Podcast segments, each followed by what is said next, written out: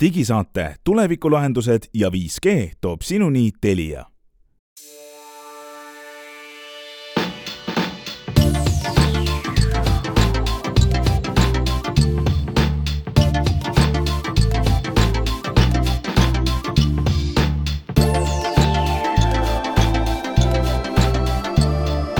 Tere kuulama nimetut digisaadet viiendal septembril aastal kaks tuhat kakskümmend kaks, kus täna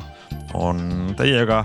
Hans Lõugas, Henrik Roonemaa, Glen Pilvre ja Meelis Väljamäe. kusjuures kakskümmend viis protsenti meie saate osalistest on otse rindereportaaži tegemas suurelt tehnikamessilt, mistõttu ärge imestage, kui kuulete messi hääli taustal. ja tundub, et tahaksimegi teada saada, mida siis iga aastane, vähemalt vanasti iga-aastane Berliini suur mess, tehnikamess IFA sel aastal meile põnevat toob, kus meil on kohapeal Meelis ja tõenäoliselt jääb aega arutada veel teisi aktuaalseid teemasid ka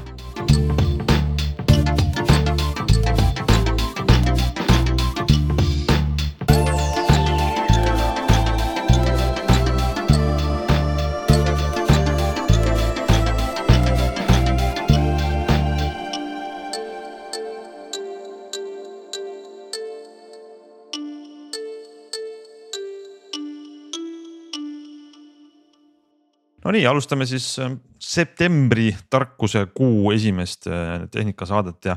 enne pandeemia lainet oli see äh, rusikareegel, et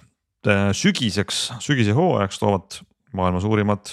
koduelektroonika ja, ja muu elektroonika tootjad välja oma viimase tooterivi Berliinis. Internationale Funkausstellung ehk IFA messil, mis on kaldkriips näitus, kaldkriips selline pressiüritus. ja, ja tänavu Meelis Väljamäe, Meelis, sa oled kohapeal Berliinis, kuidas ilm on? Ehm, siin on parem kui Eestis, mulle tundub, sest et meil siin ikkagi kipub olema pidevalt üle kahekümne kraadi, et eh, ma saan aru, et Tallinnas on nagu juba külmumine. jahe, meil on jahe. meil on parem. aga jah, et ma väga-väga ju tegelikult eh, õue ei saa, kuigi ma mäletan seda, et kui ma eelmine kord olin IFA-l eh, kolm aastat tagasi vist, siis oli samal ajal üle kolmekümne kraadi, nii et jahedam on ka siin no üldiselt võiks vist kohe võib-olla alguseks ka seda ära rääkida, et IFA on kaks aastat siis mitte toimunud, et kui, kui me vahepeal seal oleme vist isegi kõik sealt ka, ma mäletan, saadet teinud kusagil õue peal, et, et see on ikkagi selline suur sündmus, kus, kus on palju-palju inimesi ja veel rohkem igasuguseid vidinaid, aga aga nüüd kaks aastat ei ole IFA-t toimunud, nüüd ta toimus ja millegipärast siis meie keegi nüüd need ei jõudnudki sinna välja arvatud Meelis, et selles mõttes on väga-väga põnev muidugi üldse, et kuidas see feeling ja mulje seal siis on. See ongi väga tähenduslik, et teie keegi sinna ei jõudnud ja te pole ainsad, et äh, ka teised ei jõudnud sinna. ehk siis äh, saalid on tühjad äh,, inimesi on vähe, ajakirjanikke on vähe, tavalisi nii-öelda tehnikahuvilisi külastajaid on vähe väga-väga äh, tühi on. kui rääkida seda, keda siin ei ole, kes siin tavaliselt on, siis äh, Harmanit ei ole ehk JBL-i ja neid, kes olid väga suured. Sonyt ei ole, kellel on alati olnud terve siis äh, selline üks terve saal. jah, Philipsit ei ole. Tefalit ei ole, Hisense'i ei ole, ehk siis suuri nimesid ei ole. teistel, näiteks Huawei'l ja Samsungil on küll endiselt sama suured saalid aga need on üsna tühjad, et noh, vaata tavaliselt on see, et kui suured firmad tulevad, investeerivad, siis nad teevad mingisugused väga ekstravagantsed näituse väljapanekud ja siis tassivad need ühelt näituselt teisele, eks ole. siis sel aastal on see, et kõik on pannud lihtsalt oma tooted äh, laudade peale letti ja nagu mingisuguseid selliseid spetsiaalseid ägedaid äh, efektseid väljapanekuid ei ole teinud, näiteks LG-l on alati olnud see see Oled paneelidest selline kaar, eks ole, mille alt sa läbi saad, seda neil ei ole, siis nad ütlesid, et hoiavad raha kokku. Nii et noh, tegelikult on näha, et ikkagi koroona on kas korraliku paugu teinud sellest, et keegi ei julge või ei raatsi tulla või on siis seal selline noh, see võib kahtepidi võtta, kas see on siis see, et on uus asi pika vaheaja järel, et keegi veel ei julge või on siis vastupidi see, et kõik on aru saanud, saab ka netis hakkama ja keegi ei taha enam isiklikult kohale tulla, aga vaiksem, väiksem on kui, kui viimaste kordade, kui eelmine kord oli ju niimoodi, et need väiksemad Hiina brändid ju olid saadetud, küüditatud kuskile teise linna otsa oma nagu üritusele. Ja sel aastal on nad kõik siin ka nagu oma saali ära mahutatud ja see, kui teie teate, see teletorni ümber olev selline pisikeste brändide osa, see on täiesti kinni, sest et lihtsalt linnasaalid on tühjad, nii et noh, ikka vähem on asju. aga Meelis, kas see mm, vähesus kas see on sinu arvates selle või ma küsin teiste käest ka, Glen, sa olid ka väga teadlik sellest, eks, et. kas see on sellepärast, et, et oli siin Covid vahepeal ja noh, inimestel läks meelest ära, et IFA toimus ja.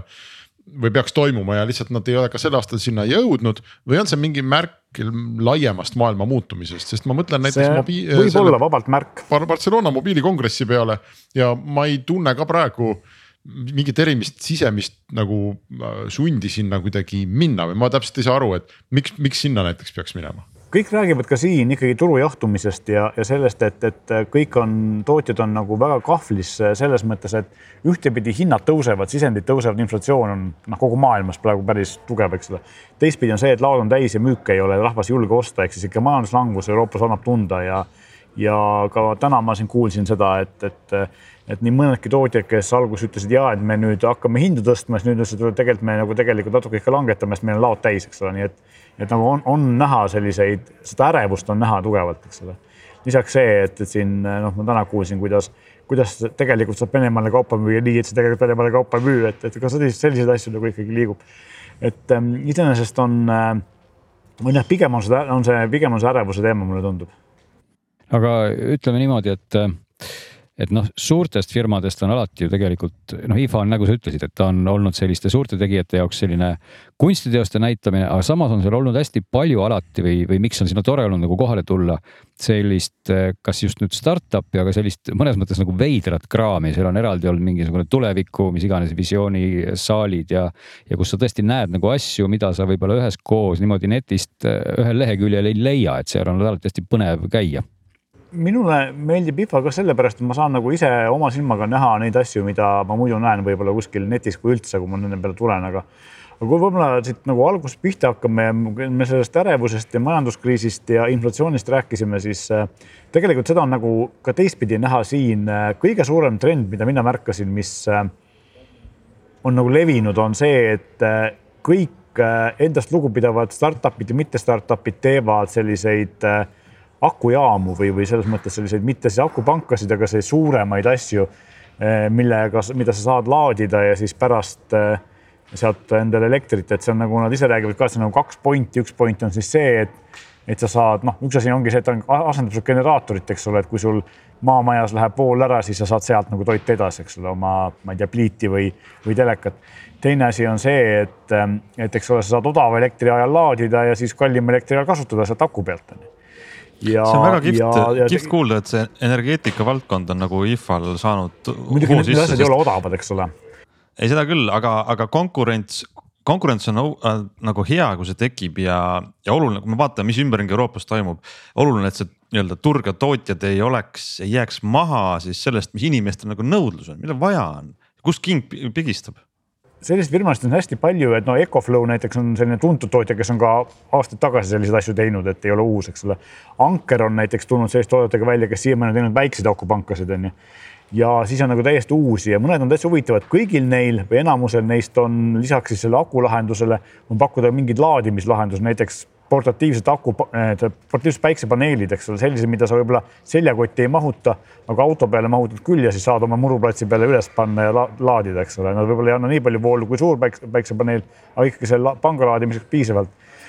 üks huvitav äh, firma oli Jackeri, ma olen seda varem kuulnud, aga ma ise oma silmaga näinud, neil on ka lisaks näiteks kahe propelleriga tuulegeneraator, mille sa maa-aeda saad panna tõsi, ta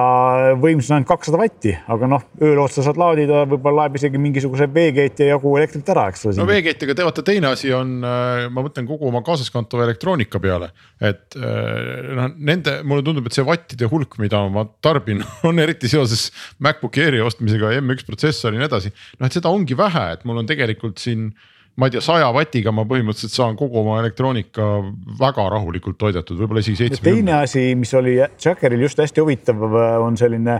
kineetilise laadimisega akupank. ta meenutas seda Glenni One Wheel'i veits või sellist suurt ratast, aga hästi laia või paksu ratast. ja see sang on seal küljes, selle sanga saad sa auto taha panna, nad ütlevad, et see on siis viiskümmend tuhat vatt, viis tuhat vatt-tundi on selle aku võimsus seal sees. ja sellega sa saad eh, panna auto sappa ja sõita sellega mööda maanteed või mööda teed ja siis, kui sa oled kakssada kilomeetrit sõitnud, siis aku on täis. et, äh, et see selline lahendus üsna teistsugune, et. kui, kui sa nendest aku, akupankadest just ka räägid, et, et ma tahtsin ka küsida veel siia vahele, et, et kuidas, kuidas nende lahenduste sellised mahud just on, seal sa ütlesid viis tuhat vatt-tundi, et see on siis viis kilovatt-tundi, et, et kas on siis tõesti selliseid äh, akupankasid ka juba laiatarbeturule mõeldud, et selline, ma ei tea, korterielanik paneb omale seinakontakti ja siis hakkab sealt öösel lammutama odavat elektrit? pigem juba nagu akupangaks nimetaks, see on pigem nagu mingi akujaam või generaator või mingi sihuke asi, eks ole, et, et ta on, noh, ta on suur, on ju, ta võtab palju ruumi ja, ja need eh, sellised tuntumad või suuremad firmad, Ecoflow näiteks, on läinud ka seda teed, et neil on siis üks boks, mis on siis üks aku on seal väiksem sees, kus on siis need pistikud, voolupistikud, millega sa saad laadida, kus saad voolu välja võtta nii kahesaja kolmekümne voldi omad kui kaheteist voldi omad kui USB-d, eks ole. ja siis sinna juurde panna moodulitena lisaakusid, et see on ongi need viie, viie tuhande vatt-tunnised akud või kolmetuhandesed, sõltuvad siis sellest, eks ole, kui, kui suur ta parajasti on. on ka väiksemaid, et sa saad nagu seda moodulit nagu klotsidena üles ehitada suuremaks, eks ole. aga kas sa said ka sealt juba mingi aimu ka sellest, ütleme tõesti hinnaklassist, et kui ma siin praegu. kallid on, kallid, nad on ikkagi nagu selles mõttes, et suuremad maksavad ikka tuhandeid mm. -hmm. noh, just ja, selle mõttega, et kui ma nagu, kui ma selle mõttega just nagu kuulen ja praegu vaatan seda nii-öelda, mm, eks ole roller coaster'it või mis selle eestikeelne nimi on, need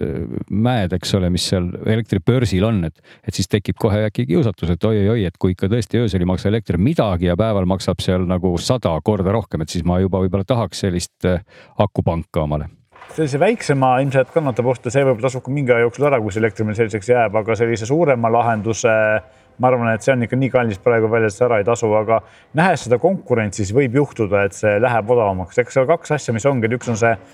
see nii suure voolu vastuvõtmine, eks, mis on kallis ja teine asi on siis see, et et aku ise on ikkagi nagu üsna kallis. kui see akudest rääkides ja sellest, et siin ei olnud ähm, eriti väga suuri tootjaid, siis avab ukse teistele tootjatele, et üks, kellel oli üsna suur väljapanek, on Vietnami elektriautode tootja Winfast Eh, kes oli lausa nelja autoga siin erinevaga kohal, nii et, et eh, nagu mina varem pole nagu sellist elektriautode showcase'i IFA-l näinud, aga, aga nüüd oli ka nende jaoks ruumi jätkunud aga see on muide teine teema, millest ma tahtsin küsida, et see elektrimobiilsus. Eh, okei okay,, autod on kohal mingil määral, noh, Vietnami Vietnami tootjad Eestis, vabandust, Euroopas on, on uued, aga, aga kuidas, kui palju on kõiksugu ühe, kahe, kolme, neljarattalisi mingi kergsõidukeid, mis iganes? vähem kui varem vähem kui varem, et on mõningad, üks suur Türgi firma oli, kes näitas erinevaid skuutreid ja lisaks ka e-sõidukeid. Rally äh, RS3 vist, kui ma mäletan, et Rally on ka selline suhteliselt tuntud äh, tõukside tootja, et nendel, tal, nemal, neil oli selline hästi kompaktseks kokku käiv tõuks, mida nad siin esimest korda näitasid, et mitte siis lihtsalt nagu madalaks kokku, vaid ka veel ühe korra kokku, et, et see oli nagu, nagu sihuke täitsa huvitav kontseptsioon. aga kindlasti oli tõukse vähem kui eelmistel aastatel erinevad Berliini tänavatest, kus on nagu kõvasti suurem tõuksi anarhia kui Eestis. Et siin on ikka nagu kõik nurgad on pikali-olevaid tõukse täis, vähemalt mingi seitset erinevat pakkujat ma nägin ja, ja samamoodi noored sõidavad kahekesi ja täiesti suvaliselt ja selles mõttes nagu see, kui meil kurdetakse selle üle, siin on nagu, nagu asi veel hullem et, et selles mõttes no. jah, aga, aga seal messil nagu, nagu selliseid tõukse nii palju ei olnud kui, kui kolm aastat tagasi küll aga näiteks Lival näitas seal päris huvitavaid või vähemalt noh, vist ebapraktilisi, aga huvitavaid eh, connected kiivreid ehk siis eh, mingisuguste piduri ja, ja niisama tulukestega ja Bluetooth ühendusega ja nii tsiklile kui, kui jalgrattale ehk siis nagu kiivrid lähevad ka nutikaks. kas see vajalik on? see on hoopis teine küsimus. see on küll huvitav, see, ma panen kohe kirja, kes see, kes see bränd oligi? Lival, Livol või noh, ma ei tea, kokku kirjutatud niimoodi. ma muide et, torkan siia kohe vahele, et tegelikult Livol on neid kiivreid just samalaadseid teinud, teinud juba kaua jah, et nad ikkagi mm ilmselt midagi panevad sinna kogu aeg juurde, mingi paari tulukese. ja nad, demos ikka siin, neil oli keynote, kus nad näitasid oma uut äh, mudelit, aga ma ei tea, mis sellega vanaga vahel oli, vahet oli, sest ma ei käinud äh, seal pressikal ise, aga iseenesest seal mingi sensoritega ta suudab aru saada, kui sa pidurdad, siis ta paneb taga tuled põlema ja vastupidi, eks ole, et kui sa pöörad, siis tuleb kollasest tule põlema, kuidas ta sellest aru saab ja kui suure läägiga see on, seda ma küll öelda ei oska. Kas seal, kui nendest liikuritest oligi juttu, et kas sellist, no IFA nagu viimastel aastatel, noh, kui nüüd kaks aastat välja arvata, aga isegi enne, ennem seda on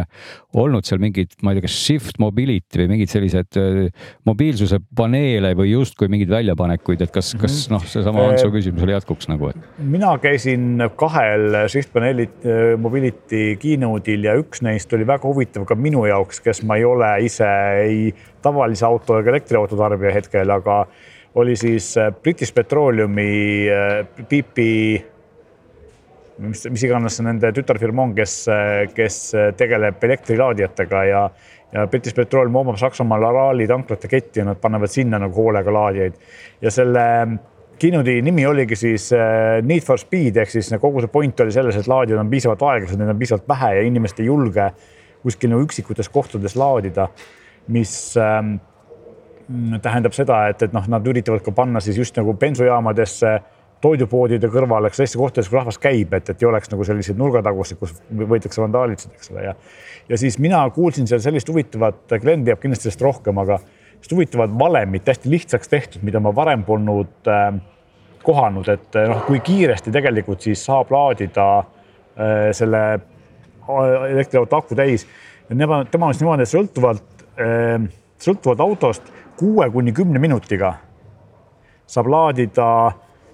viiekümne kilovatise laadijaga viiskümmend kilomeetrit sõitu, saja viiekümnesega sada viiskümmend kilomeetrit, kolmesaja viiekümnesega kolmsada viiskümmend kilomeetrit. ehk tegelikult, kui meil tulevikus kõik autod võtaksid ja laadija annaksid kolmsada viiskümmend kilovatti välja, me saaksime kümne minutiga kolmsada viiskümmend kilti ära laadida, mis on nagu tegelikult täiesti mõistlik tulemus. Lähed, võtad oma mingisuguse, käid veetsupausil ja ongi olemas, eks ole, et äh, järgmised kolmsada kilti. et see on nagu see tulevik, mida nemad nägid, aga, aga muidugi noh, teised probleemid on seal veel siis, kui sul on äh, logistikafirma, kellel on vaja mingisuguseid äh, selliseid koobikuid, eks ole, seal mingil määral kümnete kaupa laadida korraga nojah, selle ütleme siia kohe lõppu sellele samale laadimisteemale just, et, et ega tänased uuemad autod ju jah, ongi võimelised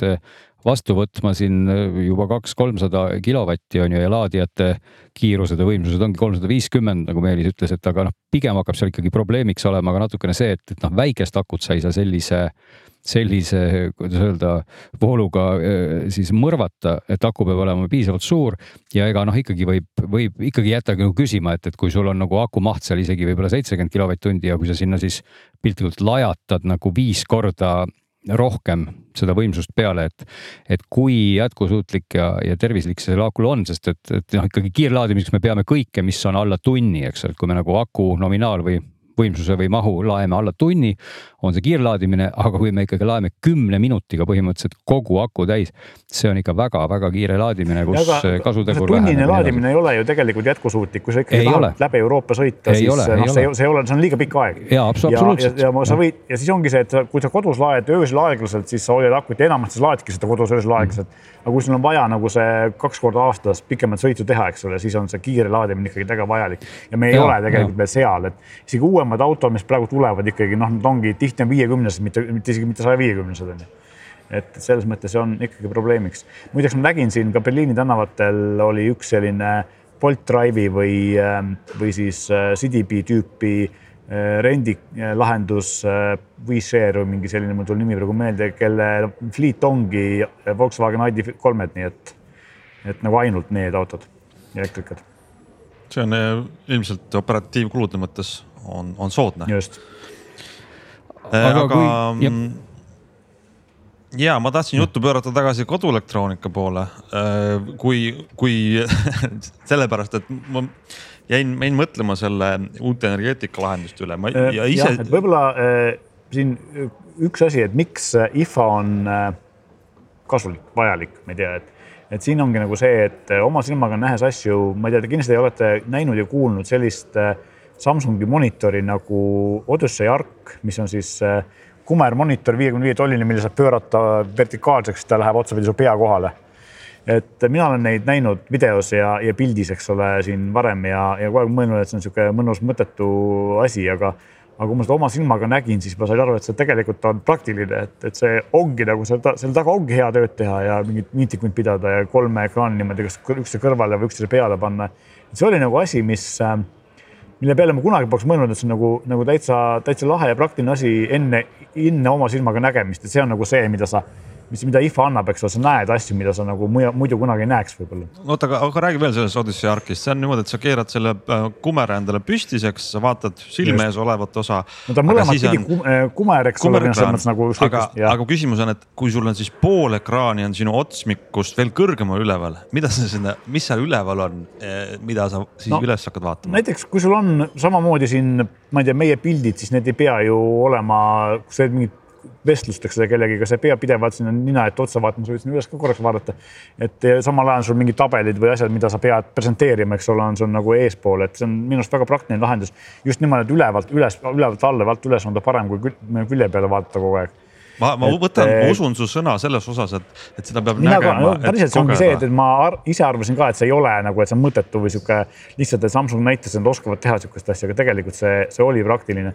ja teine asi on, eks ole, see, et see monitor ise, et ta on viiskümmend viis tolli, ta on hästi suur, aga ta on sellepärast suur, et kui enamus neid selliseid äh, kumeraid ja, ja mitme ekraani jaoks mõeldud monitore on ju tegelikult, nad on kitsad, on ju siis see on nagu ka veits kõrgem, et teda on ka nagu selles mõttes äh, mõistlikum kasutada, et ta nagu noh, ta meeldis mulle. kui kumer või kui nõgus ta on, oskad sa kuidagi seda umbes hinnata ka või? seda R-numbrit ei oska öelda peast, aga ta on ikka üsna nõgus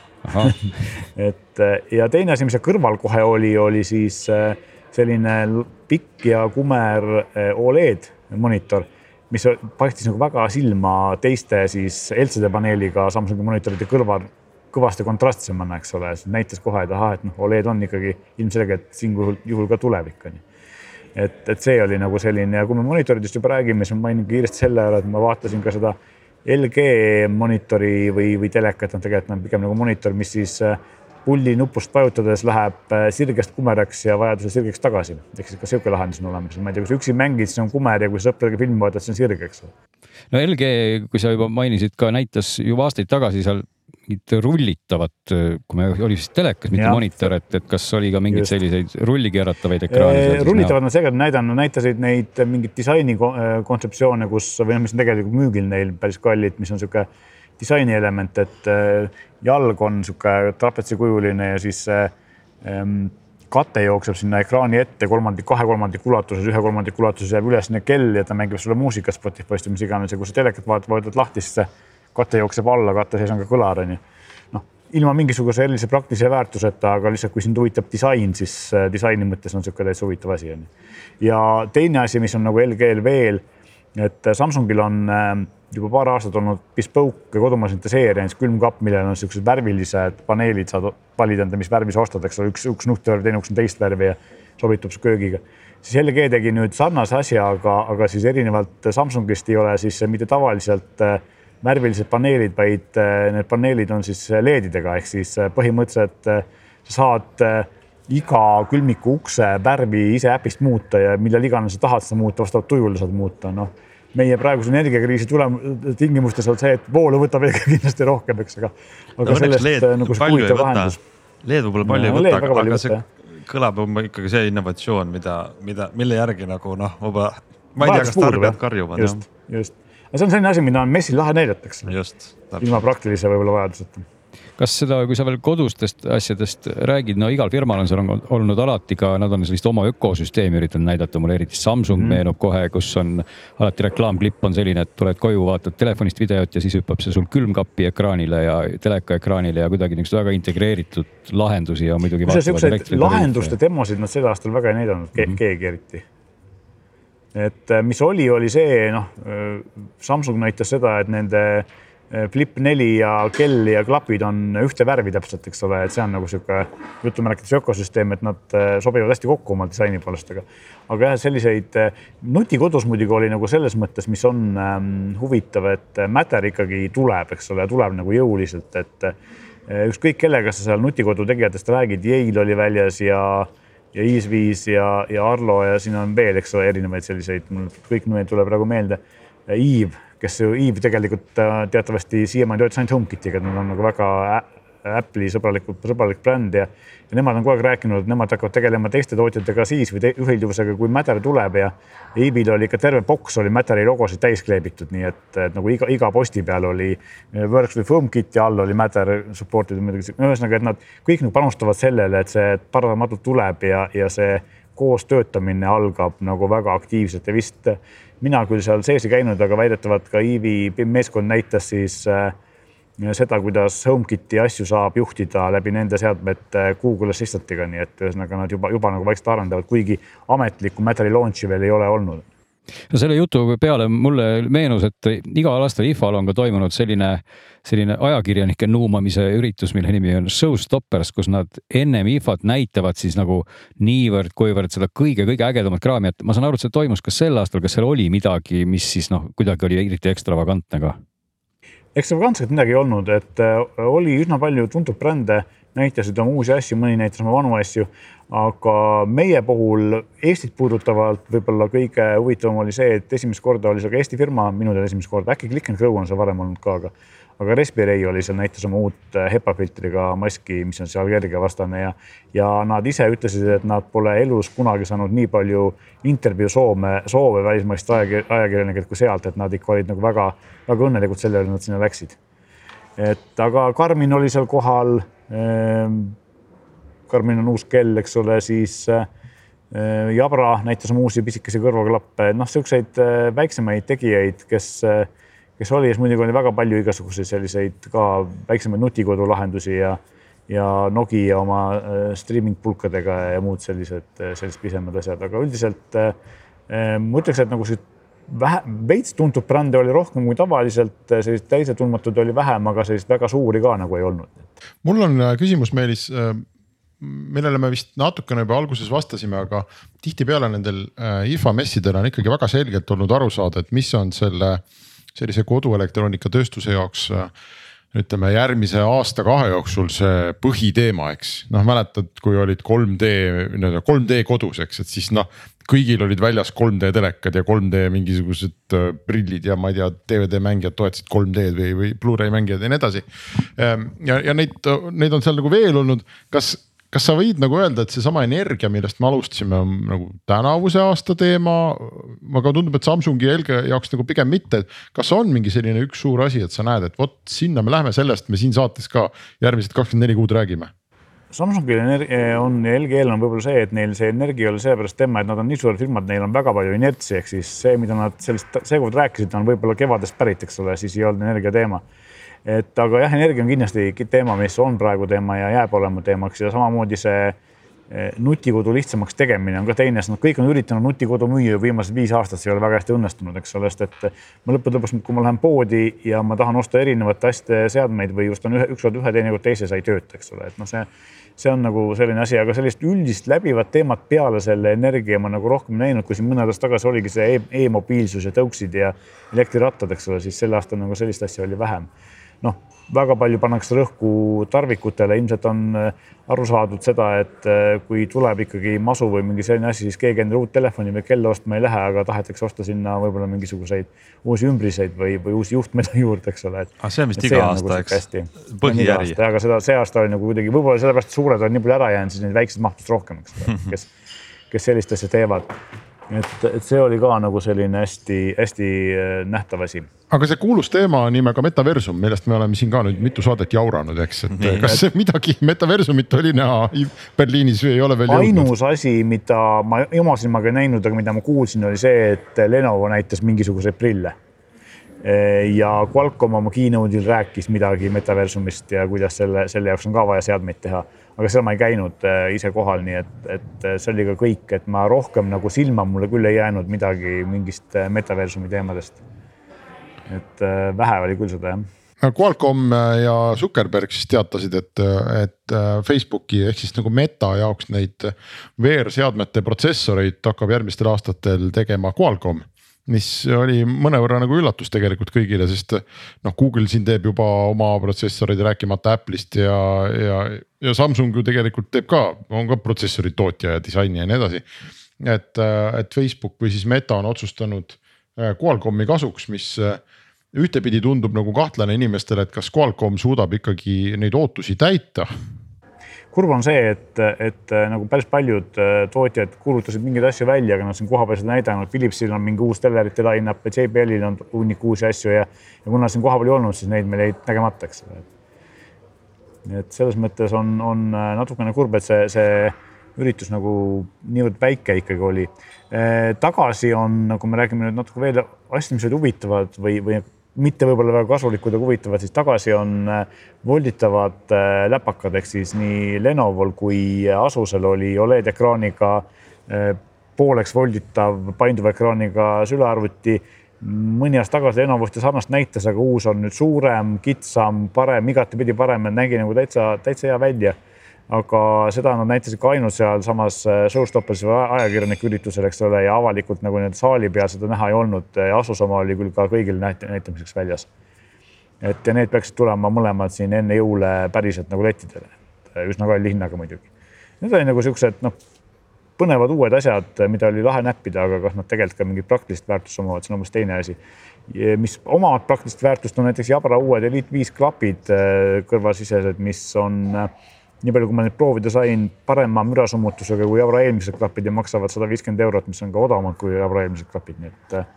noh, seal toimub ikkagi mingisugune edasiminek. aga muidugi neid klapitootjaid on ka nagu ikkagi eriti sellises soodsamas hinnaklassis mingeid tundmatuid nimesid on ka väga palju siin mis.... kui sa räägid klappidest tundmatu, tundmatu nimega klapitootjatest, siis mul jäi silma ühed Urbanista klapid, mis lähevad jälle energeetika teemasse, kus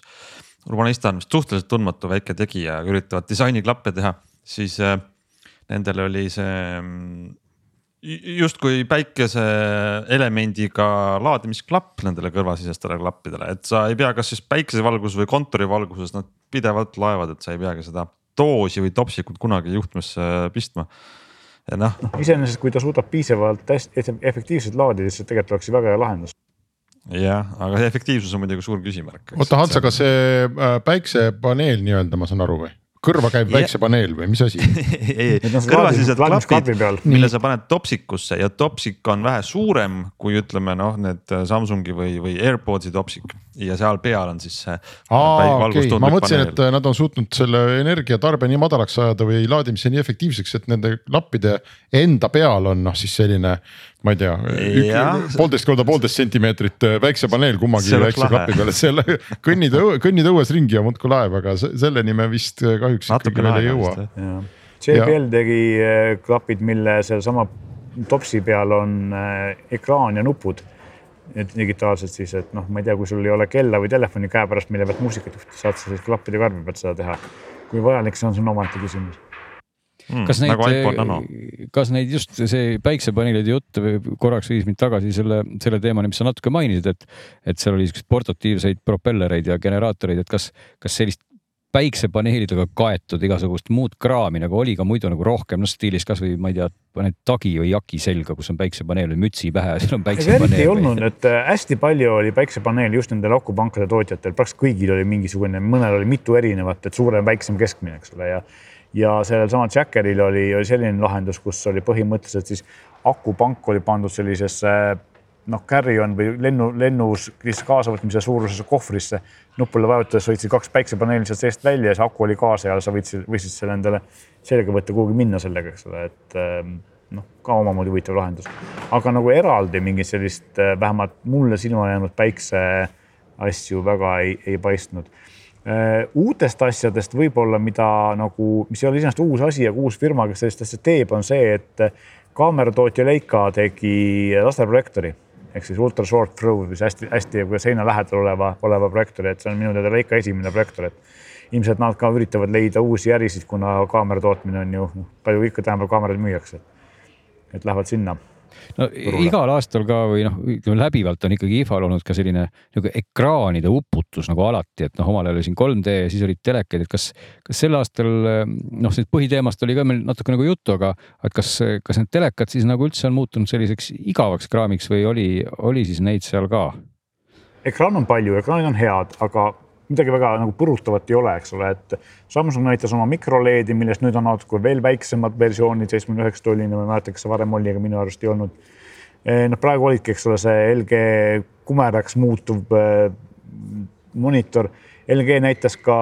oma maailma suurimat eh, Oledi, mis on üheksakümne seitsme tolline, et see on siis nagu nüüd rekord, et kõige suurem Oled, mis üldse olemas on, eks ole, päris, päris suur. ja, ja sellised asjad ja mis võib-olla huvitav oli see, et ma rääkisin siinsamas ajakirjanike üritusel äh, Roku esindajaga, üks Hollandi tüüp oli, kes, äh, kelle ülesandeks on siis Euroopas Roku teenuseid müüa, te vist teate sellist brändi, et on selline äh, iseenesest pakub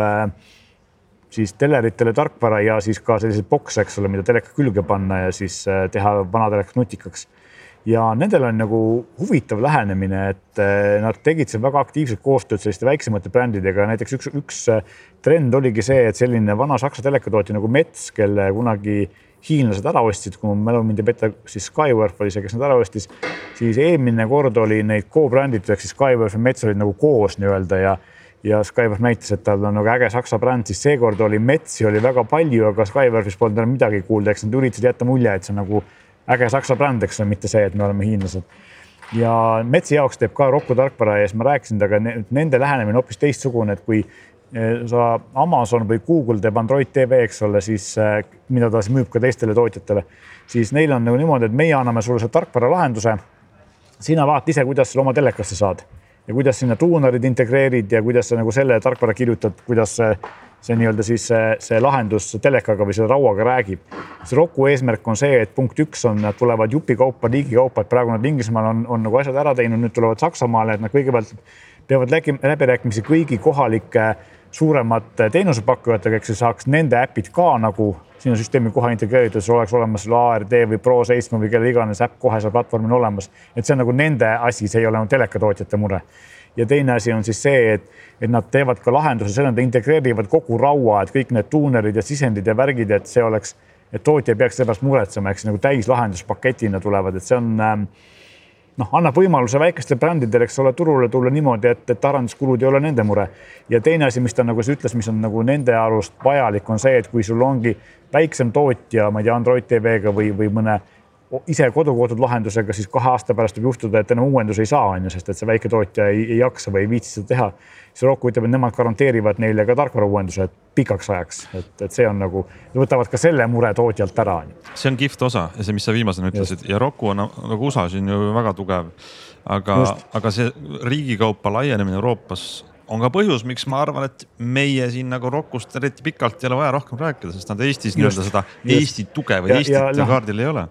lisaks on see, et eks ole, et kui kõik üritavad minna sisupõhiseks oma selle interface'iga, et sa näit-, soovitavad sulle sisu ja teevad sellised ilusad pildid sinna. see Roku interface on hästi selline vanamoeline ja, ja selline, ma ütleks, et kaheksakümnendates ma küsisin, miks see nii on, ütles, et noh, neil on terve hunnik kliente, kes sellist vanamoodset asja eelistab. ja teiseks ongi see, et sellist interface'i on võimalik ehitada üsna lahja protsessori peale, eks ole, sa pea, kui sa saad teha odavat telekat, siis äh, võib-olla lahjemad mingid Android TV-d ei jõua sa ära vedada lihtsalt no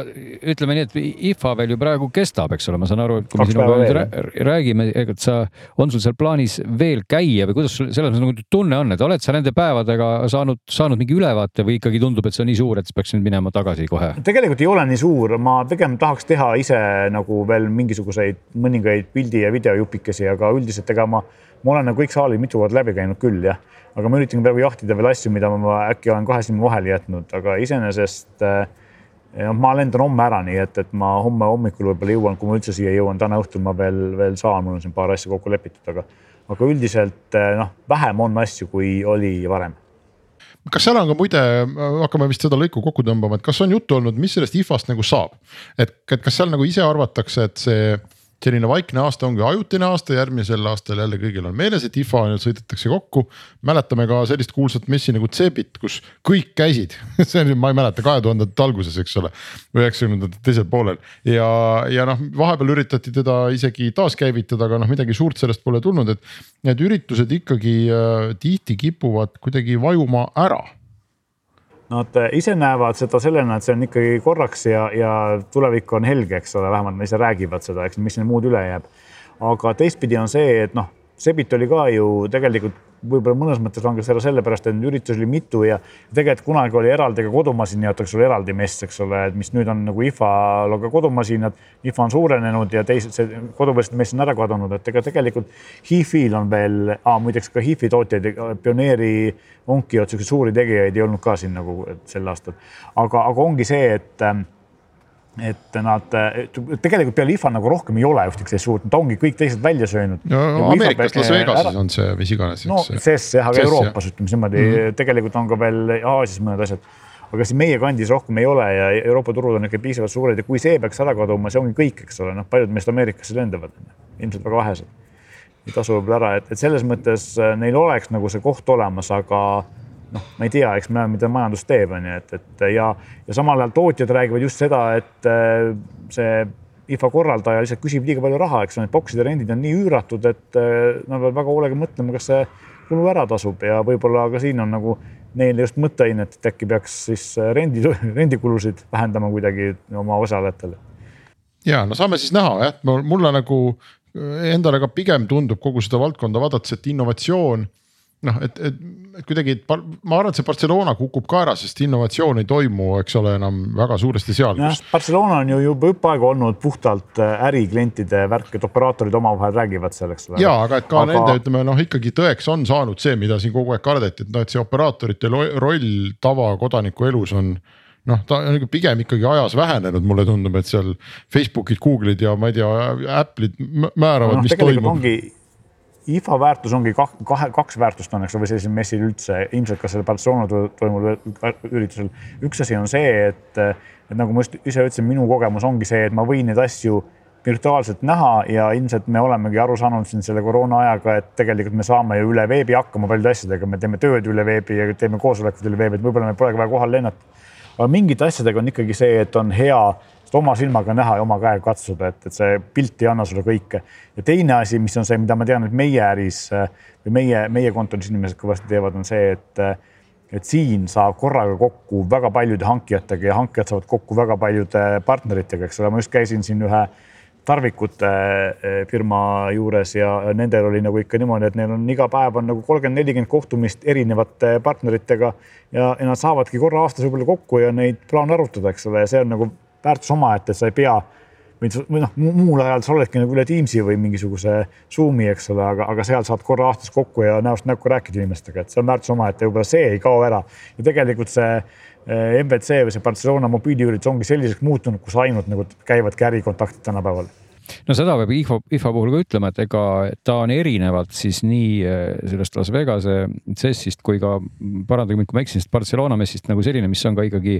üritab ennast väga pöörata ka näoga rahva poole, et seal on nagu piletid, seal on, seal on nagu tavakasutajad, et selles mõttes muidugi tundubki kummaline, et, et kui sa ütled, et siuksed suured tootjad tõesti nagu Philips, eks ole, kes ikkagi väga on ju Euroopa, Euroopa bränd nii-öelda väga suurelt ja kes on ju alati olnudki kohal just nimelt selle mõttega, et kõikvõimalikku kraami, olgu need need siis mingid hambaharjad või näopuhastajad või mida, mida iganes nad nagu teevad. et nad on seda väga suurelt äh, näidanudki nagu tavainimestele, et ma mäletan, see on alati olnud selline trügimine ja sakslased tahavad, et kes, kellel lõigatakse, aetakse habet ja tehakse meiki ja, ja nii edasi, nii edasi, et, et nagu ja just, just nimelt, et ikkagi sellist tava, tavalist inimest, temal avaneb ikkagi ka võimalus minna ja teha nagu tiir peale kõikide sellistele suurte firmade toodetele tavaliste inimeste mineku koha pealt on üks huvitav äh, märkus veel või selline, mis ma märkasin äh, neljapäeval, kolmapäeval, kolmapäeval oli esimene september, eks ole, äh, neljapäeval, esimene september, esimene kooliaasta, esimene koolipäev. Ja reede oli teine september ja ma tean, et siin paljudes Eesti koolides oli mingid spordipäevad ja asjad, noh, kes ikka reedel nagu kohe tundidega alustab, eks. Siis siin oli, IFA-l oli hommikul väga palju õpilaste gruppe ilmselt saadetud siis ekskursioonile tehnikamessile et see oli nagu täis oli ikka õpilaste gruppe, siukseid äh, keskkooli või, või põhikooli lõpuklasside omasid. jah, samas kui äh, siin ma vaatan Info kodulehel ka öeldakse, et, et piletimüük on ainult online'is ja, ja kohapeal ei müüda üldse mitte midagi, et noh, et see. see oli muidugi positiivne esimest korda ajaloos, kuigi siin noh eh, Saksamaa on teatavasti väga aeglane digitaliseeruja ja päris palju asjad käivad ikka sularahas ja äppidega ei saa siis. kuule, ma kohe küsin sulle vahele, sorry, et kas seal kohvikus, mis seal kuskil üleval on pressikeskuse kõrval, kas seal on endiselt ainult sularahas maksmine? ei ole proovinud, ei ole proovinud maksta. seal muide oli oli veel kaks aastat tagasi, seal oli sularahas maksmine, see oli, see on asi, mis nagu iga kord ma olen seda viimati, kui ma olen seal aga, käinud. aga asjad, mida ma seekord sain, kaks asja, mida ma seekord sain teha, mida ma varem ei ole oma arust saanud, üks asi oli see, et ma ostsin omale eh, Berliini ühistranspordi äpist nädalapileti ja see istub mul telefonis QR koodiga, vanasti ma pidin välja printima või ostma sealt masinast, eks ole, neid. ja teine asi oli see, et oma pressikaardi või siis selle nii-öelda pressipileti ma sain äh, oma kasutada äpis, et ma ei ole sel aastal kordagi kasutanud, ma igaks juhuks printisin välja seda paberi peal skännitavat äh, paberilipakat, vaid ma saan sellega äpis hakkama ilusti, nii et, et need on nagu, nad on, on nagu veits arenenud Saksamaal. aga kui see nüüd niipidi tõmmatagi kokku, et kas sulle tundub, et kas sa läheksid sinna nüüd, kas sa kutsuksid meid järgmisel aastal kaasa, kas sa ise tahaksid sinna minna või kas sa, kuidas sulle tundub selle IFA tulevik tõesti selles mõttes, et, et, et kui ta nüüd samasugusena on, on ta nagu väärt Berliini minekut? mulle vist tundub, et, et see on tulevik võib-olla on tume, aga, aga ma läheks veel jah, mitte sellepärast, et siin oleks nagu niivõrd meeletult äh, tohutult palju midagi väärtust, aga, aga see on lihtsalt sündmus ja, ja siin on nagu võimalus näha asju, mida sa muidu kunagi oma silmaga ei näe ja see minu jaoks on see huvitav, teiste jaoks ei pruugi olla, see on individuaalne, eks ole ei no jah, iga, igatahes ma veel ütleks siia veel lõppu ikkagi täiendaks veel Meelise nostalgia hetke, et eh, isegi kui Berliinis IFA oleks kaks korda väiksem, siis ikkagi tasub sinna minna, sest ilm on soe. Saksamaal on toredad söögikohad ja Berliin on lihtsalt hästi tore linn ja selline tehnikamess iseenesest annab põhjuse sinna just. minna et, et mul oleks küll väga kahju, kui see võimalus nagu tõesti ära, ära kaoks, et selles mõttes proovime. ometigi ei ole sa siin. ma ei ole ja ma jäin kuidagi lõksu erinevate ajaliste ja muude asjade vahele ja ma olin tegelikult väga-väga kahe vahel, sest lisaks sinule nii mitmedki teised sõbrad ja tuttavad mul ikkagi sinna sattusid ja läksid, et ja oligi siin plaan ka sinna minna, nii et, et sellepärast ma just pressisin sinu käest ka välja sihukest optimismi nooti, et, et kui ikka. ei, minul on, on küll see, et kui võimalus tekiks, tuleks, siis ma tuleks siia tagasi. hoolimata sellest väiksest messist, mis seekord on. selge, äh, ütleme siis Meelisele oma poolt siit Tallinnast aitäh ja ootame, et see traditsioon ei lõpeks ja Tifa ikkagi oleks meile majakas sellel turul. just. nii, aga ma arvan, et äh, meil on veel natukene siin aega ja ma tean, et Glen kibeleb rääkima rattakompuutritest. Meelis võib meiega olla, kui ta saab ja kui on kohtumine, siis. Äh, rattakompuutritest ma võin korraks midagi rääkida väga hea, näed. määrasime, et me laseme sind tähtsatele kohtumistele Ambarja esindajat. tegelikult peaksin varsti minema küll, aga no,, aga ma jõuan natuke rääkida rattakompuutritest, ma tahan kuulda, mida Glen räägib ja siis midagi vastu öelda Glen, aga teeme nüüd selgeks, kas need ratta, kas sa mõtled neid rattakompuutreid, mis käivad lenksu peale ja siis see andur käib esiratta juurde umbes magnetiga ja siis ta näitab, äh, kui kiiresti kiiresti sa sõidad, et kas no, me räägime nendest või? ei, me räägime, no see, kuhu sa neid andureid paned, see on täitsa täiesti sinu enda valik, sest neid andureid on ju mustmiljon, sa võid panna nad nii-öelda pedaalide lähedusse võimsust mõõtma, enda külge tõmmata pulsiandureid, GPS-id, eks ole, et kõik, kõik see andurite müriaad sobitub sinna kokku juhtmevabalt tänapäeval. Ant pluss on see levinum standard Bluetoothi kaudu põhimõtteliselt, aga need asjad ise on jah, siis nagu tsentraalsed seadmed, mis on siis eh, lenksu küljes tõepoolest ja mis siis kõike seda asja dokumenteerivad ja nõustavad sind ka siis loomulikult erineval kujul nagu tõesti nagu mustmiljonil viisil erinevate parameetrite baasil, et kui sul on seal sensoreid rohkem, siis noh, stiilis, et kui sul on mingi distants planeeritud, see on segmentideks, seal on tõusud, eks ole, rasked kohad, siis öeldakse sulle, et ära nüüd pinguta, vaat nüüd võid pingutada, kui sa nüüd pingutad, siis sa pärast kukud surnult maha, aga kui sa nüüd ei pinguta, siis sa jõuad lõpuni kiiremini, et kõike seda nad siis rohkem või vähem proovivad teha ja rääkimata siis sellest, et sa pärast näed siis, kui sa ellu jäid, et kuidas sul läks, eks ole, et, et kogu seda. aga no,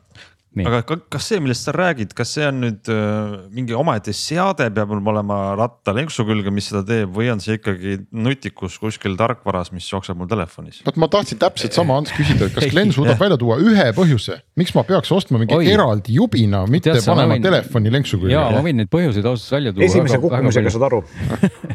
just, et eh, alustades sellest täpselt, mis Meelis juba siia vahele torkas, et sa saad aru sellest, et, et see seade, mis sul on lenksu küljes, on mõõtmatult robustsem ja vastupidavam kõigele, et, et ta, ta ei, ta ei lagune ära, ta noh, maksab küll olenevalt seadmest ka suhteliselt palju, aga ilmselgelt maksab ta võib-olla vähem kui sinu ülikallis mobiiltelefon. teiseks on ta mõeldud selleks, et ta just nimelt teeks seda ühte asja, et mobiiltelefon teeb teatavasti sadat asja. kui mobiiltelefon on kogu aeg sul lenksu peal ja sisse lülitatuna kuvab midagi ja möllab seal, siis see aku tühjeneb noh, kui päris mitte minutitega, siis tundidega. Nendel seadmetel ikka aku peab vastu noh peaaegu, et vaata, et ööpäeva nii palju võib-olla ei pea, aga kümme, kakskümmend tundi on täiesti normaalne, sa ei pea nagu muretsema, et sul selle seadme aku saab tühjaks. Nad on äh, mõeldud ka selleks, et äh, noh, enamik neist odavamaid siiski on, on nuppudega juhitavad, mis ei ole üldse paha, Karminil tõsi, on ka puutetundlikud mudelid aga, aga nende asjade nagu opereerimine siis kusagil rasketes oludes, võistlustel, kus iganes, on, on ülimalt kindel, et sa ei pea nagu muretsema selle üles, et keegi helistab sulle sisse, telefon jookseb äkki kokku ja, ja, ja noh, ütleme, et kõik kõik sellised momendid, noh, mis tõesti nagu määravadki selle, et, et see ei ole nagu noh, see ei ole nagu telefon, mis teeb sadat asja ja üks nendest on see, vaid see ongi asi, mis teeb seda ühte asja ja ta teeb seda tõesti selles mõttes erakordselt hästi ja loomulikult noh, odavamad neist, mis ei ole üldse väga halvad, on ikkagi ju kordades odavamad, makstes seal eh, sada, kakssada, eks ole, kolmsada eurot ja, ja funktsionaalsuselt eh, teevad silmad ette eh, nagu telefoni. kui kui see teemaks nagu tuli, siis kas me räägime seda sellepärast, et sa oled mõnda proovinud hiljuti või? No ma olen proovinud neid ja ega ma ei saaks öelda, et ma olen selline tulihingeline ja, ja väga kogenud rattur kaugel sellest, eks ole, et pigem lihtsalt ma olen neid elektroonikavidinaid erinevaid katsetanud, mis siis ka otsapidi sporti nagu ulatuvad. ja, ja võtsin tõesti proovida siis Karminit ja Vahood, et ausalt öeldes nagu see, see nimi võib-olla, kelle, kes ei ole selle valdkonnaga kursis, ei ütle üldse midagi, et Karmin tõenäoliselt ütleb nagu ikkagi brändina paljudele rohkem, et nende rattaseadmete valik maailmas on mõnevõrra suurem, aga tuleb ikkagi tunnistada, et Karmin on nagu noh, kõige tuntum bränd. Ja siis Vaho ehk kaksik V-ga. Vaho on, on, no tundub praegu võiks öelda küll Karminile võib-olla kõige tugevam konkurent või kõige nimekam vähemalt ja kes on siis ka Eestis esindatud, et et mõlemad, mõlemad on Eestis saadaval, hobispordist sain Vaho ja Jagari andis lahked Karmineid, et ma võtsin siis kolm Karminit, kõige odavama, siis sealt keskelt ühe ja siis kõige-kõige kallima, millel muide on ka päikesepatareid või päikesepaneel väike. ja siis kaks Vahood, mis on siis lihtsalt erineva suurusega ja ega seal nagu eh, põhiline erisus võib-olla tulebki neil, et noh, et erinevatel brändidel on mõnes mõttes nagu erinev lähenemine või selline noh, filosoofia nagu sellesama lähteülesande lahendamisele, siis ütleme nii. ja kas sa, millise, kas sul oli ka see uus eh, Garmin S-Explorer kaks? no kõige uuem Garminist on Edge tuhat nelikümmend, Garminil teatavasti need on kõik Edge'id. Explorer kaks on uuem tegelikult. no vot, mul oli seal, oli Edge tuhat nelikümmend Solar, mis on siis kõige kõigem, maksab mingisugune, kas oli kuuesaja euro ringis ja, ja põhimõtteliselt noh, teeb peaaegu et kõike, mida noh, ütleme, ta teeb, ta teeb nii palju asju, et noh, ikka selline minusugune pühapäevarattur loomulikult ei noh, et see kõik on nagu kosmos, et ta, sa pead olema selleks ikkagi väga-väga teadlik sportija, kes tahab nagu väga-väga palju täpselt teada ja planeerida, et üldse aru saada, miks sa peaks sellise seadme ostma, aga Karmini kõige odavam, mis on Edge sada kolmkümmend pluss sellise väikse mustvalge ekraaniga, teeb tegelikult ka väga palju asju ära ja, ja maksab sealjuures oluliselt vähem ja, ja noh, ilmselt sobib võib-olla sellise, sellise noh, hooajalise ratturi jaoks selles mõttes paremini, aga nad omavahel noh, kui nagu võrrelda nüüd Karminit ja seda Vahood, et see oli küll minu jaoks võib-olla kõige huvitavam punkt, et Karmini seadmeid ma olen ennem ka vaadanud. aga, aga, aga Vaho on siis konkurent, kes rõhub eelkõige, nad on suutnud leida üles võib-olla nagu Karmini nõrga koha, rõhub sellisele kasutuslihtsusele ja hästi sõbralikule kasutuselevõtule, et kui sa võtad Vaho karbist välja, siis ta suudab sind kuidagi nii kiiresti ja sujuvalt juhendada läbi selle installeerimise protsessi. sa saad äpist, noh äpp on mõlemal loomulikult selline väga oluline osa sellest. sa saad äpist muuta kogu selle seadme ka visuaalset poolt, mis, mis näiteks Karminite puhul, enamiku puhul nii ei ole. et sa pead nagu sellest seadmest endast kõiki neid väljasid seadistama ja nikerdama ja kui see on nuppudega, siis see ausalt öeldes on nagu paras peavalu, rääkimata seal võib-olla siis noh, navigatsioonikaartidest ja millest iganes. siis Vahoo on, on suutnud selle lahendada enamasti niimoodi, et sa saad kõiki neid asju, mida on teha mobiiliga hea tehagi mobiilist ja siis mobiil saadab need asjad siis lupsti sinna seadmesse. sa saad nii-öelda isikupärastada kõik need väljad, kõik asjad ära ja nuppudest väga selline noh, tundub nagu, nagu, nagu liiga lihtne, et miks keegi selle peale ennem pole tulnud. et teatavasti, kui sa ratta peal sõidad, väga oluline on see, et, et kuidas sul parajasti nii-öelda nähtavus on, kuidas su enda konditsioon on, kui suurelt sa tahad neid numbreid seal ekraani peal näha või kui mitut välja sa tahad näha, eks ole, et sa võid ju panna sinna mustmiljon välja mis iganes oma võimsusvarud, kiirused,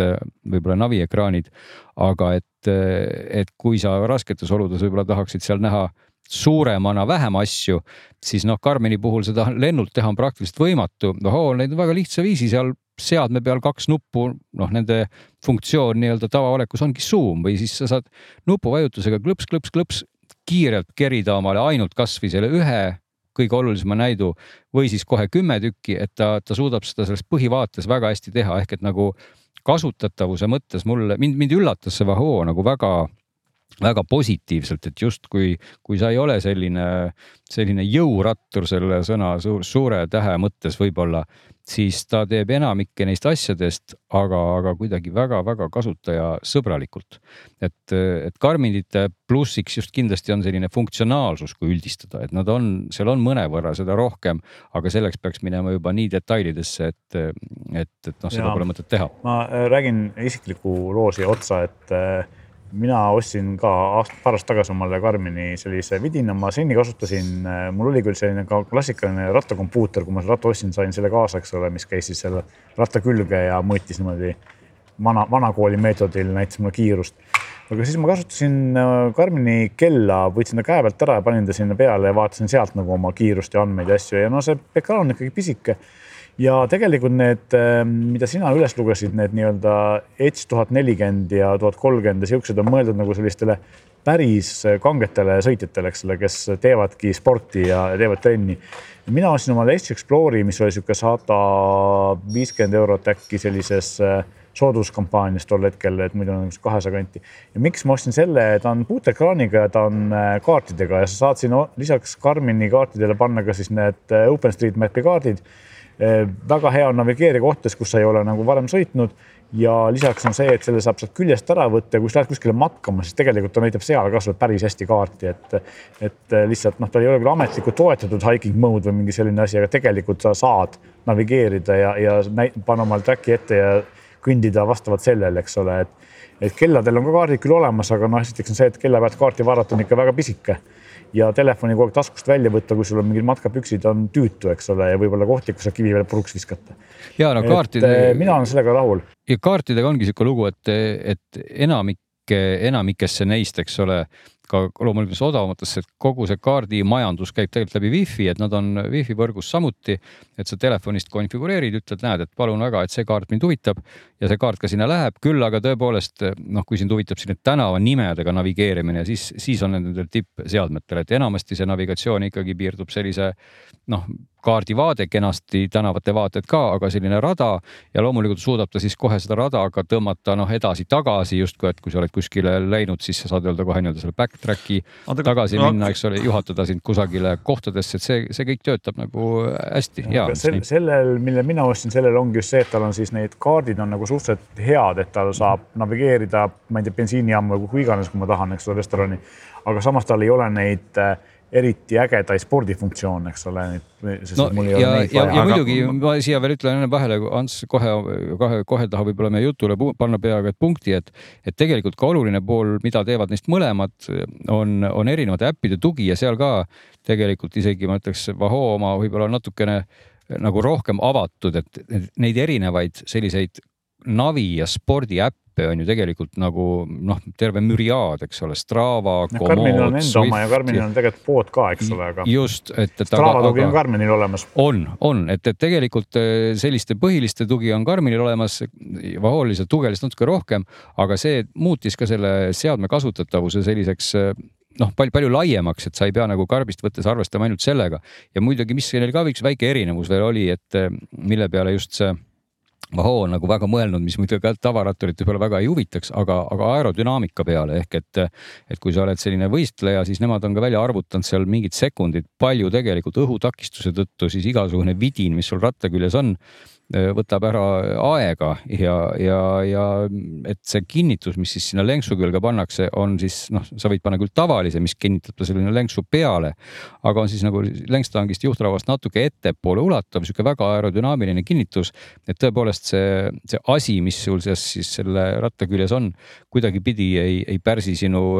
sinu õhutakistust, kui sa oled selline noh, ütleme maastikuratturil ei ole see võib-olla teema, aga maanteeratturil, kes tõesti ikkagi sõidab ruttu ja pikki maid maid, eh, lõpuks hakkab see iga asi seal rolli mängima. aga ma tahtsin teie jutu põhjal saada veel pildi ette, et kui Meelis viitas kaardi lugemisele, et mis nende seadmetes ekraani keskmine diagonaal on, et eh, kui, kui suur see on, kui mugav see on? see oli kolm tolli seal minu omal või midagi sellist, no ikkagi mitu korda suurem kui kellal, eks ole. ja no ütleme väikestel tegelikult kõige pisemal seal Karmini Edge'il oli ta üks koma kaheksa tolli ja kõige suuremal, mis oli siis see Solar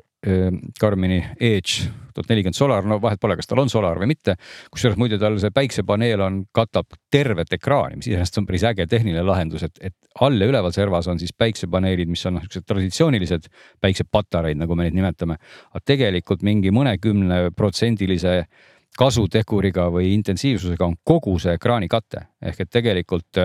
tegelikult kogu see rattakompuutri ekraan, mis siis üldse nähtaval on, võtab päikesest, ammutab elektrit ja, ja suudab seda muide erksa päikesega teha umbes kahe kolmandiku võrra või osast tootmisest, et ta küll päris tervet akut täis ei lae, kui sa teda kasutad. aga, aga sa saad nagu kaks kolmandikku juurde, et kui sul päike paistab ja sa kuskil kõrbes väntad, et siis põhimõtteliselt üle saja tunni võid sa seda teha, aga, aga jah, suuruse mõttes on see kolm ja pool tolli ja nendel Vahoo omadel, mis põhimõtteliselt nende suurim erinevus ongi ainult suuruses, neil oli siis kahe koma kahe tolline, kahe koma seitsme tolline ja loomulikult need ekraanid on ka, nad on siis nii, niinimetatud seda transflektiivset tüüpi, eks ole, et nad, nad on päikese käes loetavad väga hästi ilma taustvalgustuseta. ja jällegi. mida rohkem päikest peale paistab, seda eredam on. seda eredam ta on, et, et Karmini puhul jälle võib öelda, et kuidagi nad on selle koha pealt ka natuke lasknud võib-olla rihma, rihma lõdvemaks, et, et, et sellises hämaras või keskmises valguses Karmini ekraanide puhul sai nagu natuke norida, et selle kõige parem ekraan Karminitel, nii naljakas kui see ka ei ole, oli seal kõige odavamal, sellel Edge saja kolmekümne plussil on, on tead, kõige erksam kui sa paned sinna peale selle päiksepaneeli kihi, siis see ekraan läheb tuhmimaks. nojah, aga oli ka see, oli ka see Karmin Edge viissada kolmkümmend, kus siis ei olnud päikesepaneeli võimalust ka, et, et noh, jäi nagu alla siis nii sellele odavamale Karminile kui kahele Vahoo äh, kompuutrile, millel siis noh, ka ei olnud küll päiksepatareid, aga nende ekraanide muidugi see värskendussagedus, noh, me, me ei saa siin ikkagi võrrelda nagu mobiiliga, et see ei ole nüüd see, et, et seal vaatad videot, et, et see on selline uimasem üks asi, mida ma siis lõpetuseks öelda, kui me enne rääkisime sellest, kumba valida või mismoodi, siis üks on, on jällegi see ökosüsteemi värk, et minul on ka Karmini kell, eks ole, ja kui mul on Karmini rattakompuuter, siis nad saavad üksteisest aru ja, ja need kalorid jooksevad kokku, eks ole. süsteem saab aru, et mul on kaks seadet ja ta ei võta korraga topelt, vaid ta arvutab need niimoodi sujuvalt kokku ja ei, selles, selles mõttes igatahes, et ma ei tahagi, kui praegu tundub minu juttu nagu kuulates, et ma kuidagi eelistan ühte teisele või vastupidi, et, et neil ongi nagu erinevad plussid ja miinused ehk et, ehk et ikkagi üllatusel on see, et ei, olemas on teisi veel peale Karmini, kes tahab seda osta, kindlasti tasub seda Vahoo eh, nagu line-up'i vaadata, seal line-up on hästi väike, seal ongi põhimõtteliselt kaks mudelit, et neil tegelikult sellest suuremast mudelist tuleb just sellel sügisel nüüd uuem versioon, see oli natukene, oligi see vanem mudel, mis täna siis kõige suurem oli. aga et, et Karmini plussiks võib-olla ongi selline nagu mõnes mõttes ülifunktsionaalsus, eriti kui minna sellesse kallimasse otsa. ja Karmini ökosüsteem ja Vahoo plussiks on selline väga-väga lihtne kasutamine, väga hea ekraan ja selline noh, kuidas ma ütlen, üldine sihuke hästi, hästi-hästi nii sõbralik tervik, eks ole, aga võib-olla mõnevõrra siis sellist funktsionaalsust on vähem, mida täpsemalt on vähem, ma ütlen, et nimekirjad on hästi detailsed, et siin, siin peab nüüd igaüks tõesti võtma nagu luubi kätte ja vaatama, et kas, kas on midagi, mida ta teab, et näed, ma tahan seda, ma tahan mingisugust, ütleme noh, Karmini puhul on Climb Pro selline nii tarkvaraline lahendus, mis siis neid tõuse arvutab automaatselt ja mida kõik ratturid väga kiidavad. et Vahool on see natuke teistmoodi lahendatud ja võib-olla siis mitte nii nii sujuvalt selles mõttes, et ühesõnaga selliseid momente on, kus, kus tulevad mingid erisused, aga need lähevad väga spetsiifiliseks, eks ole, et mina vaatasin ka sellise võib-olla rohkem siukse üldisema pilguga ja just mulle väga-väga imponeeris see see Vaho kasutajasõbralik lähenemine. oota, mul oli veel, ma tahtsin ikkagi kuidagi kokkuvõtlikult aru saada, et, et Meelis on pigem selline noh, ma Ironmanil ei ole sind kohanud, ilmselt sellepärast, et ma pole ka ise Ironmanil käinud, aga. ma, ma seepärast ei, ei kasutagi neid kallimaid või ei ole kunagi pidanud vajalikuks osta kallimat Karmini äh, rattakompuutrit, sest ma sõidan piisavalt vähe ja piisavalt äh, niimoodi casual'i, eks ole, et et mul ei ole vaja neid kangeid spordirežiime, minu jaoks on vajalikud asjad olemas, ta arvutab mu kilomeetrid, mu kaloreid, mu selliseid asju, eks ole, ilusti. aga vot, aga ma tahtsingi küsida, Meelis, et kas mis iganes kell või asi sa kasu nagu, sa mõtlesid, sul on tõenäoliselt mingi nutikell või spordikell või noh, mingi võru tavaliselt äh, tehnoloogilisel inimesel on, kas sellest ei piisa või et miks sa tahad? piisab äh, küll seda..., äh, tegelikult piisab ja tegelikult ju on ka Karmini kelladel näiteks ja ka teistel, ma ei tea, Samsungi kellal, Apple ostsin, neil on olemas kaardid ja sa saad ju tegelikult panna selle cycling mode'i või rattarežiimi sinna peale ja töötab. minul on kaks asja, et mulle meeldib, kui mu kiirus läbi maa, läbitud maa on ees, et ma ei pea võtma lenksu pealt kätt ära ja vaatama, eks ole. ja kui ma panen kella siis selle adapteriga lenksu külge, siis ta on minu vana inimese jaoks juba natuke liiga kaugel, et, et selle äh, rattakompuutri peal on ta palju rohkem, paremini näha ja lisaks on siis välju, mida ma saan panna, on sinna mõnusam panna ja noh, lisaks ongi see, et miks ma just selle mudeli ostsin, oli see, et ma tahtsin saada neid kaarte sinna sisse, et ka siis, kui ma lähen, ma ei tea, siin Saksamaale mägedesse matkama, siis ma ei pea telefoni välja kiskuma või piiluma eh, kella pealt, mida mul võib-olla ei ole kella peal kaarte praegu, eks ole, aga mul on see asi selline, et kui see maha kukub, siis tõenäoliselt ei lähe katki, kui läheb katki, siis ma ei jää oma telefonist ilma, millega ma pean äkki helistama kellelegi, eks ole no siin ma, ma ütleks ka lõppu selle, et kui see jutt, ükskõik kui pikalt me sellest räägime, ilmselt jääb paljude jaoks ikkagi üldiseks, siis, siis saab veel lugeda sellest digis, kus ma, kus ma neid tegelikult siis nii-öelda testina kõrvutasin kõiki neid viite seadet. ma arvan, et see on, see on selle kuu digi, ma tahaks nii arvata, ma ja ikka peaks olema septembrikuu digi, kus siis on nendest viiest juttu, mida ma praegu rääkisin ja võib-olla natukene ka siis detailsemalt, sest et ega tõesti võimatu on siin ühe lausega võtta kõike seda, seda kokku, eks ole, aga, aga, aga tulles ikkagi selle jutu alguse juurde, kui sa oled selline rattur, keda huvitab siis sinu enda tervis ratta seljas või kuidagi nagu planeerimine ja eriti muidugi ma ütleks, et eriti annavad nad just nagu, nagu värvi või, või mõtte sellisele noh, kas siis iseendaga või teistega võistlevale ratturile, kes tõesti tahab oma jõudu doseerida ja planeerida. ehk et, et see on nagu see koht, kus, kus sa tõesti niimoodi lihtsalt tuimalt peale minnes ilmselt väga kaugele ei jõua. et sa, sa, sa peaksid aru saama siis tõesti, millal sa, kui palju pingutad, mida sa parajasti valid. et see on nagu see koht, kus, kus selline rattaseade on, on täitsa asendamatu olgu, ma ei ole veel lõpuni veendunud, aga selles mõttes, aga minu, minu see kasutusmudel on ka nagu väga teistsugune, et noh, ma lihtsalt mm. -hmm et eh, noh, ma A, kas äh, kujutan ette, et ma käin rattaga, ratas on selline igapäevane liiklusvahend või ülepäevane liiklusvahend või siis B, ma suvel lihtsalt hängin rattaga kusagil linna vahel, eks ja kumb, kummalgi juhul ma tegelikult. ma saan aru, et mul võib olla uudishimu, et oh, kui kiiresti ma nüüd sõidan, see ei ole, aga tegelikult mul ei ole vaja seda nagu teada ei, ei olegi ja, ja selles mõttes ma, ma olen ka täiesti sinuga nõus, et minulgi, kes rattaga sõidab, ütleme suhteliselt mitte üldse väga palju, ka ma ei, ma ei näinud kohta, et ma jõuaks ja tahaks selle infoga midagi peale hakata, aga ma saan nagu väga hästi aru, et kui rattasõit oleks natukenegi rohkem sporti, eriti võistlussport, siis kohe annavad need väga-väga palju sellist kasutegurit või dimensiooni juurde siin tänapäevasesse nagu tänapäeva tehnoloogiasse minnes on üks asi, mis on seal Lexus Explorer kahel, see Karmini kõige uuemal, mis just siin paar kuud tagasi välja tuli. lisaks sellele, et tal on siis samamoodi nagu Vahul nüüd saab äh, äpist seadeid muuta ja, ja mida varem Karmini asjadel ei olnud, eks ole, USB-C mhm. pesa on, mis on parema koha peal, saad aku panga panna, aga põhiline vahe on see, et eh, mitte kõigi, aga osade e-rataste, siis akuga rataste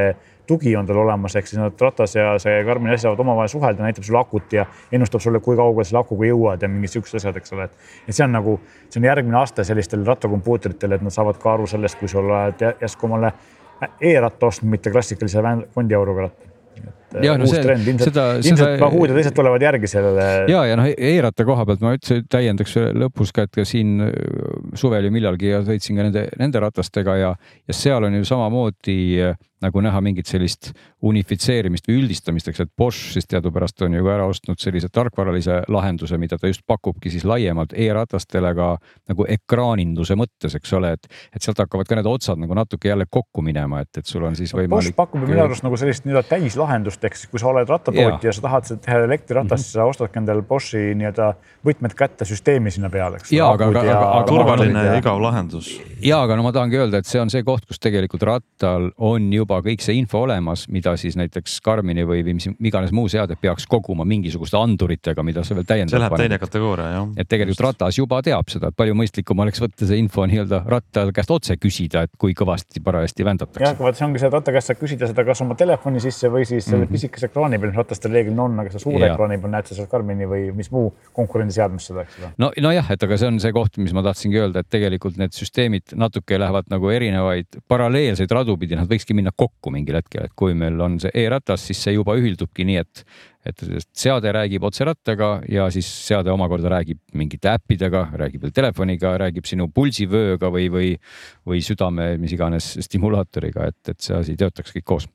selge, ma arvan, et äh, me oleme saanud Berliinist pildi ette ja oleme veel enne talvehooaja saabumist võib-olla andnud impulsi kuulajatele, et äh, teha rattasõidud vähe rohkemate andmetega. Igatahes aitäh kõigile, kes meil siin stuudios olid ja aitäh kõigile, kes kuulasid ja võite olla kindlad, et nädala aja pärast kohtume jälle